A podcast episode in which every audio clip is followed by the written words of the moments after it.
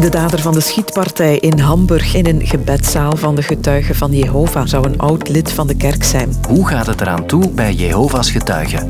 De, de aanleiding was omdat een Duitse vrouw een klacht had ingediend. Die voelde zich gediscrimineerd omdat al die mannen Wel? wel, topless mogen zwemmen en zij moet op hun tepels eh, kijken. Sich frei und zwanglos fühlen und leicht wie eine Feder. Das gehört zu den schönsten Gefühlen für Anhänger der Freikörperkultur. Kan binnenkort ook bij ons iedereen topless zwemmen? Good morning, ladies and gentlemen. What is in the future? Where go we, eh, where go we to? to, to hè? Where are we going to, yes? En heeft Nederlands nog een plaats in het hoger onderwijs? Ik ben Lode Roels en wij duiken samen het laatste kwartier van deze week in. Welkom.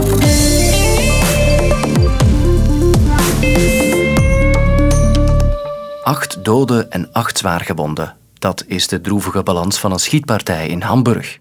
Die schietpartij vond plaats in de Koningszaal van Jehovah's Getuigen, een ontmoetings- en gebedsplek, zeg maar. De dader zou vroeger zelf lid zijn geweest van de Getuigen van Jehovah en is een van de doden. Rond Jehovah's Getuigen hangt nog altijd een zweem van mysterie.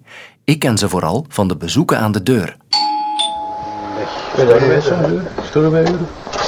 Zo wij eens mogen vertellen voor Gods voornemen, wat God precies, precies doen in de toekomst. ja. En die gaan een nieuwe wereld maken voor ons, waar iedereen eeuwig zal leven. Dus als u meer geïnteresseerd zijn, kunt u altijd de weg doorlezen. Dat is goed. Oké. Bedankt.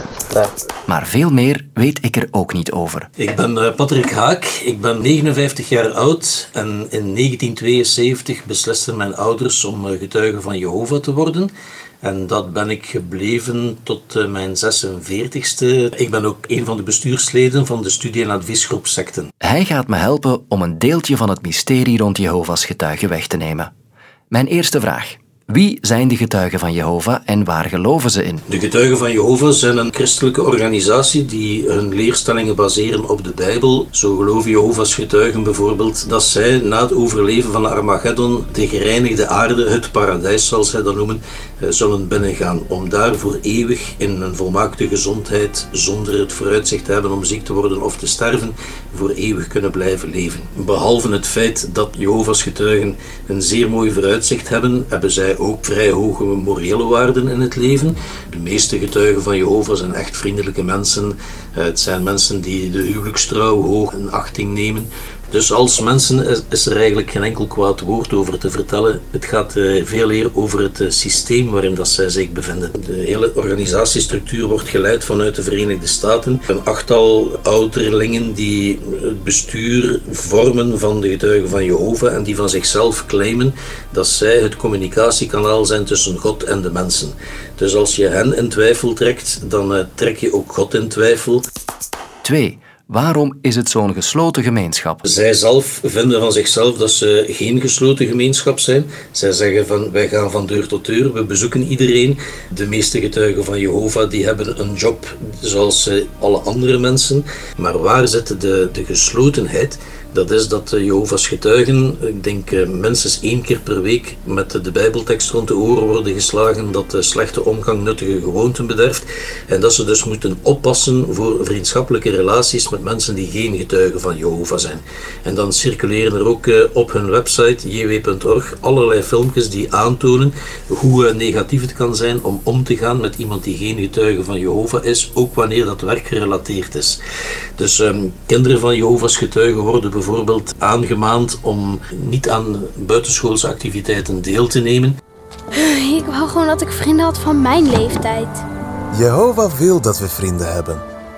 Maar het is belangrijk om je af te vragen: wie kies ik als mijn vrienden? Het waren een soort van vrienden van Martha, maar ze hadden een hekel aan Jezus. Hoe denk je dat Martha daarmee omging? Talia, je bent altijd vriendelijk voor me geweest. Maar je gelooft niet wat Jezus leert. Dus we kunnen geen vrienden zijn. Een goede vriend helpt me om een vriend van Jehovah te zijn. Ik ga niet mee op kamp. Hmm, wat goed van je. We zijn heel trots op je, Sophie. En Jehovah is ook trots op je. En 3. Waarom is het zo moeilijk om uit Jehovah's getuigen te stappen? Iemand die wordt uitgesloten bij de getuigen van Jehovah of die beslist om een eind te maken aan zijn getuigen zijn, die volgt er een mededeling, die wordt bekendgemaakt vanaf het podium in de plaatselijke vergaderzaal van Jehovah's getuigen, waarbij gezegd wordt dat eh, meneer X of mevrouw Y niet langer een van Jehovah's getuigen is. Dat uh, is een signaal dat voor alle leden van de gemeenschap om vanaf dan de persoon die is uitgesloten of die zich terugtrok te beschouwen als iemand die dood is. In de praktijk leidt dit uh, quasi altijd tot depressie, tot zelfmoordneigingen, zelfmoordgedachten. En als die psychiatrische behandeling dan niet uh, aanslaat, dan kan dat gebeuren dat er opstoten zijn van agressie. Ik heb zelf al een aantal keren mensen moeten uh, behoeden om uh, domme dingen uit te steken en naar een koninkrijkszaal te gaan. En dat ik zeg van wat, wat haalt je daarmee uit? En, uh, je gaat alleen mensen kwetsen en het verandert niks aan het systeem.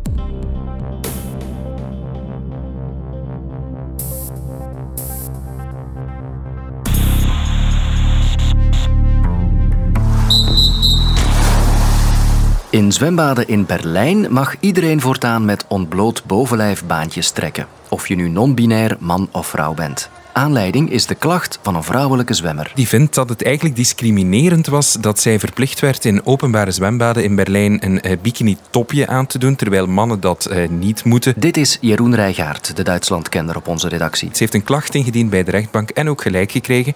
Dus vanaf gisteravond is het eigenlijk in Berlijnse zwembaden niet meer verplicht om een uh, bovenstukje te dragen. Die beslissing past in de lange traditie die Duitsland heeft met vrije lichaamskultuur, Freikörperkultur, kortweg FKK. Ein Ausdruck des Lebensgefühls der späten 20er Jahre ist die Freikörperkultur. Familie Schmidt ist Teil der Bewegung, die inzwischen Hunderttausende Anhänger hat. In ganz Deutschland sind FKK-Vereine aktiv. Duitsers zijn eigenlijk ja, over het algemeen heel weinig preuts over hun lichaam. Uh, naakt rondlopen is in Duitsland een redelijk gewone zaak die eigenlijk wel heel veel uh, mensen doen. Er zijn ook heel veel naaktstranden. Ik weet dat het in Oost-Duitsland uh, fanatiek beleefd werd in de zomer en daar werd het gezien ja, als een soort mogelijkheid om vrijheid te beleven in het uh, strenge DDR-regime. Naakt rondlopen was een van de weinige dingen die niet verboden was. In Duitsland heeft bijna elke kleine stad zeg maar, een groot wellnesscentrum bijvoorbeeld, om maar iets te zeggen. ik geef eerlijk toe, als ik naar Duitsland op reportagereis of privé ga, dat ik ook al wel eens durf een badjas meenemen omdat dat daar ja, echt in die traditie uh, ingebakken zit. Um, een van de bekendste bijvoorbeeld saunagangers uh, was zeker Angela Merkel, die op de avond uh, dat de Berlijnse muur viel, gewoon naar de sauna gegaan is in plaats van naar de muur te gaan kijken als DDR-burger, omdat ze dat eenmaal elke week deed en dacht van ja, na mijn sauna zal die muur ook nog wel gevallen zijn, maar de sauna kreeg voorrang. Maar bijvoorbeeld ook ja, in het stadspark van München, om maar een voorbeeld te geven, het grootste stadspark van Europa, de Englische Karten, daar kan je langs de rivier is er een zone van een paar honderd meter breed waar je gewoon naakt mag rondlopen. En als je daar in de zomer gaat, ja, dan tref je daar eigenlijk niemand aan eh, met kleren. Iedereen loopt er naakt rond, springt in de rivier. Eigenlijk zien ze dat wel een beetje ja, zeg maar als fritten en bier van onze cultuur. Is die Freikörperkultuur echt wel een onderdeel van het Duits zijn. Ja, dus is het niet zo vreemd dat Berlijn topleszwemmen voor iedereen toelaat. Maar ook in andere landen gebeurt het. In Barcelona mocht het al en ook een zwembad in de Canadese stad Edmonton liet naakte torso's bij iedereen toe. Maar hoe zit dat bij ons? Ik ben Evelien Maas, professor discriminatierecht aan de Universiteit van Luik en ook advocaat in discriminatiezaken. Komt topleszwemmen voor iedereen ook bij ons eraan? Um, er zullen toch een paar hordes moeten overwonnen worden voordat dat ook bij ons er zo is. Het is wel zo dat in principe de antidiscriminatiewetgeving toepasselijk is, want het gaat over een voorwaarde voor een toegang tot een dienst. Um, en heel strikt genomen zal de antidiscriminatiewetgeving ook zeggen dat die voorwaarden niet geslachtsspecifiek mogen zijn. Dus dat er eigenlijk een gelijke toegang moet zijn en gelijke voorwaarden en dus ook gelijke kledijvoorschriften. Uh, maar in de praktijk zal toch ook het argument van de goede zeden uh, heel belangrijk zijn. Ja, wat zegt de wet dan over die goede zeden? Ja, die zegt niks concreets daarover. Die zegt dat er openbare zedenschennis is wanneer de openbare zeden geschonden worden, de goede zeden geschonden worden. En dan zal het aan de rechter zijn uh, die bepaalt wat precies die openbare zedenschennis is. Maar concreet zegt die wet niet wat wat mag en wat niet mag. En dat is dus ook geëvolueerd in de tijd. Als 40, 50, 60 jaar geleden, of misschien nog eerder, uh, bikinis op het strand als een schending van de openbare zeden, van de goede zeden werd geacht. En dan is dat nu niet meer het geval. En ik vermoed dat er eigenlijk ook zo'n evolutie misschien zal plaatsvinden voor naakte bovenlijven van vrouwen. Zeker omdat we de rekening moeten houden dat het lijf niet meer zo vrouwelijk als of mannelijk kan beschouwd worden. Anders gezegd, voor non-binaire personen of voor genderfluïde personen is het heel moeilijk om te zeggen of dat die borst uh, een mannenborst dan wel een vrouwenborst is. En moeten we kijken of dat we niet kunnen aanvaarden dat een lijf gewoon een lijf is, zonder dat uh, bepaalde delen van dat lijf wel als problematisch worden beschouwd, indien we die naakt zouden zien en andere delen van het lijf niet, afhankelijk van of dat, dat lijf nu behoort tot een man of een vrouw. Als je aan een Vlaamse universiteit, een college of een online seminarie volgt, dan klinkt dat de laatste jaren steeds vaker zo. Good morning, uh, ladies and gentlemen. I'm uh, not going to talk too much about uh, technology transfer in itself. Welcome to the Master of Political Science of the University of Antwerp. In these digital times, societies become flooded with different types of data. In KU Leuven's master program Social Data Science, you learn to use these data to analyze social processes. In het Engels dus. En de Vlaamse regering is daar niet altijd even enthousiast over. Onderwijsminister Ben Wijts heeft de afgelopen week zelfs enkele aanvragen geweigerd van universiteiten die een opleiding voortaan niet meer in het Nederlands, maar volledig in het Engels wilden geven. Ik wil met meer aandacht voor het Nederlands, van de kleuterschool tot de universiteit. En het gewoon schrappen van Nederlandstalige opleidingen tot burgerlijk ingenieur. Ik vind dat niet kunnen. Ik vind dat we zulke aanvragen absoluut moeten afwijzen. Het is een gevoelig thema en tegelijk ook een boeiend debat. Je moedertaal versus een wereldtaal waarin wetenschappers communiceren. Ik kon erover pingpongen met Christian Versluis. Ik ben emeritus eh, professor aan de Universiteit Gent en ik ben lid van de Koninklijke Vlaamse Academie voor Kunsten en Wetenschappen. En ik heb het ontstaan van de huidige taalregeling van nabij kunnen opvolgen. Hij deed onlangs nog een uitgebreid onderzoek naar het gebruik van Engels in het onderwijs. En ik legde hem enkele bedenkingen voor uit onze redactiebriefing vanochtend. Laten we hiermee beginnen. Eerst op UGent en dan op Artevelde. En mm. bij allebei was dat wel een aantal lessen in het Engels gewoon. Bij mij ook. Ik had nul lessen in het Engels, ah, 25 jaar geleden. Papers in het Engels dat ik heb moeten ah, schrijven. Ah, ja. Kijk. Dat is generatiekloof, maar bij mij was dat ook niet. Of zelfs zo praktische vakken als fotografie kreeg ik in het Engels. Mijn jongere collega's hebben het duidelijk anders beleefd dan ikzelf. Is Engels tegenwoordig een must in het hoger onderwijs? Het aantal Engelstalige opleidingen, vooral in de master, is toegenomen. En dat is natuurlijk een internationale evolutie geweest in verschillende domeinen. Ik denk aan de wetenschappen, ik denk aan de ingenieurswetenschappen, ik denk aan de economie. En we zijn op een punt gekomen dat je kunt zeggen dat het Engels een basiscompetentie is die ieder universitair afgestudeerde moet hebben verworven. Wie geen Engels kent en goed Engels kent, dat is geen universitair. Oké, we kunnen dus niet meer zonder. Kunnen we dan niet evengoed het Vlaams of het Nederlands helemaal weggooien als onderwijstaal? Als je zuiver rationeel redeneert, zou je kunnen zeggen: ja, de taal van de wetenschap is het Engels. En de universiteit is de plaats van de wetenschap, dus alles kan in het Engels. Maar dat zou desastreus zijn voor de ontwikkeling van het Nederlands. Er zou dus een heel deel van het discours zijn waar het Nederlands afsterft. En dus eh, vanuit maatschappelijke verantwoordelijkheid zou het zeer onverantwoord zijn en feitelijk ontoelaatbaar om het Nederlands te laten varen. Nu zit er voor mij ook een persoonlijk kantje aan dit verhaal. We zitten met een ervaringsdeskundige aan tafel, namelijk... Wie? Jij geeft les. Ik geef les. In het Engels? Ja. Echt? Ja. Good, uh, good morning, it's for the following. Uh, nee, we gaan het serieus You waren goed, man. Today we're gonna tackle the interview techniques and interview tips en bla bla bla. Want ik geef zelf soms wel eens les aan een Nederlandse universiteit.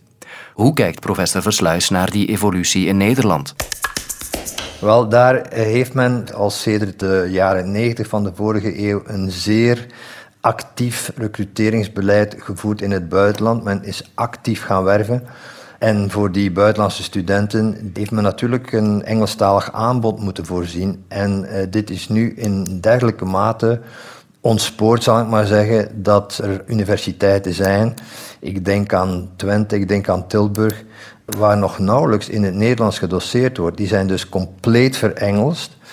Dat is een, een, voorbeeld dat absoluut niet moet gevolgd worden. Ze zijn trouwens ook het buitenbeentje in Europa, wat we nu met een goed Nederlands woord een outlier noemen. Dus als je kijkt naar de getallen, dan zie je dat de verengelsing in Nederland veel verder is doorgevoerd dan waar dan ook. Men bereikt daar cijfers. Ik denk uit het hoofd dat uh, eh, 80% van de masteropleidingen in het Engels worden gegeven. Er is geen enkel Europees land dat maar in de buurt komt. En net toen we deze podcast wilden publiceren en aan ons weekend konden beginnen, kwam dit binnen. Ik moet zeggen, ook uw geduld is beloond.